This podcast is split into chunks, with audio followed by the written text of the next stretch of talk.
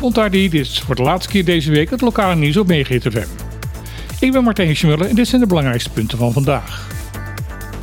Het Openbaar Ministerie op Bonaire doet strafrechtelijk onderzoek naar de gang van zaken rondom het strand van Choco Beach Resort. Dit was al eerder gemeld in een publicatie van Follow the Money, maar is nu bevestigd door het OM zelf. Zoals altijd in dit soort situaties zegt de OM daarbij dat er gedurende het onderzoek geen inhoudelijke mededelingen gedaan kunnen worden over het onderwerp. Volgens Follow Money zijn er ook documenten bij het OLB opgeëist. Volgens de journalisten zou dat erop wijzen dat er door justitie gekeken wordt of ook besturen strafbare feiten hebben gepleegd. Volgens het persbericht van het OM is het volstrekt logisch dat de stukken bij het bestuurscollege zijn opgevraagd. Het college is de instantie op het eiland die de vergunningen verleent. En zonder de gevraagde stukken zou het beeld van de situatie rondom het Chococo-vraagstuk niet compleet kunnen zijn.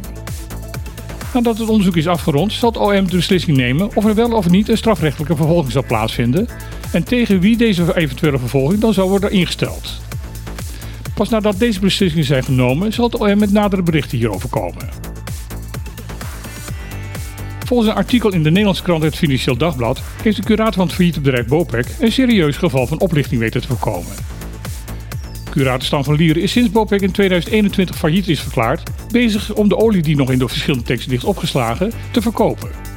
Volgens hem zal deze olie rond de 20 miljoen moeten gaan opbrengen. Verschillende veilingen van de olie hebben ondertussen een opbrengst van 11,9 miljoen dollar opgeleverd. Van Lier noemde dat in een interview de kroon op het werk. Tot nu toe was echter nog niet naar buiten gekomen wat er met de inhoud van tank 1907 is gebeurd. Eind vorig jaar bleek het bedrijf Alphaville daarvoor belangstelling te hebben. Curator van Lieren legde aan de vertegenwoordiger van het bedrijf uit dat naast de waarde van de olie zelf ook de opslagkosten betaald moeten worden. Alphaville had daar geen bezwaar tegen en de koop werd gesloten. Niet lang daarna bleek Alphaville de gekochte olie alweer doorverkocht te hebben voor een zevenvoudig bedrag. Echter, deze olie lag nog opgeslagen in tank 1907 en curator van Lieren had nog geen cent mogen ontvangen.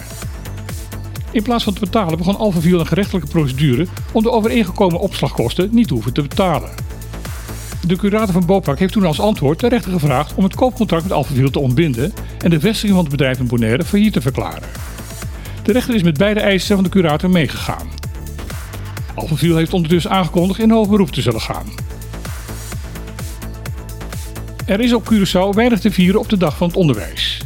Dat is te lezen in een artikel van het Caribisch Netwerk. Gisteren was de dag van het onderwijs, reden om eens een keer beter te kijken naar de situatie van het onderwijs. Op Curaçao is dat volgens de vakbond niet erg rooskleurig. De vakbond hield een enquête onder 200 leden en de uitslag was zeer zorgelijk. Ongeveer 85% van de ondervraagde leerkrachten zeggen burn-out verschijnsel te hebben en een overgrote meerderheid overweegt om het onderwijs te gaan verlaten. Vakbondleider Marabella Felipa zegt dat het onderwijs in Curaçao inhoudelijk, pedagogisch en didactisch niet meer van deze tijd is. Voor haar is de tijd om erover te praten voorbij en moet er nu wat gebeuren. Ons onderwijs sluit straks niet meer aan op de rest van de wereld. Dat moeten we nu aanpakken voordat het te laat is. Ondanks dat de kosten van de inning van de oude bijdrage even hoog zijn als de kosten voor het gratis aanbieden, wil minister Schouten van Armoedebestrijding vasthouden aan een oude bijdrage voor de kinderopvang in de BES. Ze is niet bereid om de regeling voor de kinderopvang in de BES anders te laten zijn dan de regeling in Europees Nederland. Dat is opvallend omdat deze minister er geen probleem mee heeft om de regeling voor sociaal minimum, ouderdomsvoorzieningen, werkloosheidsuitkeringen en andere uitkeringen wel anders te laten zijn in de twee gebiedsdelen van Nederland. Onder de druk van de Tweede Kamer was ze wel bereid tot een concessie. De lokale overheden van de eilanden mogen zelf een regeling treffen om ouders die het financieel zwaar hebben te compenseren. Daarbij moeten de verschillende openbare lichamen de kosten van een dergelijke regeling wel zelf uit de eigen begroting betalen. Dit was weer het lokale nieuws op MeeGTFM voor deze week.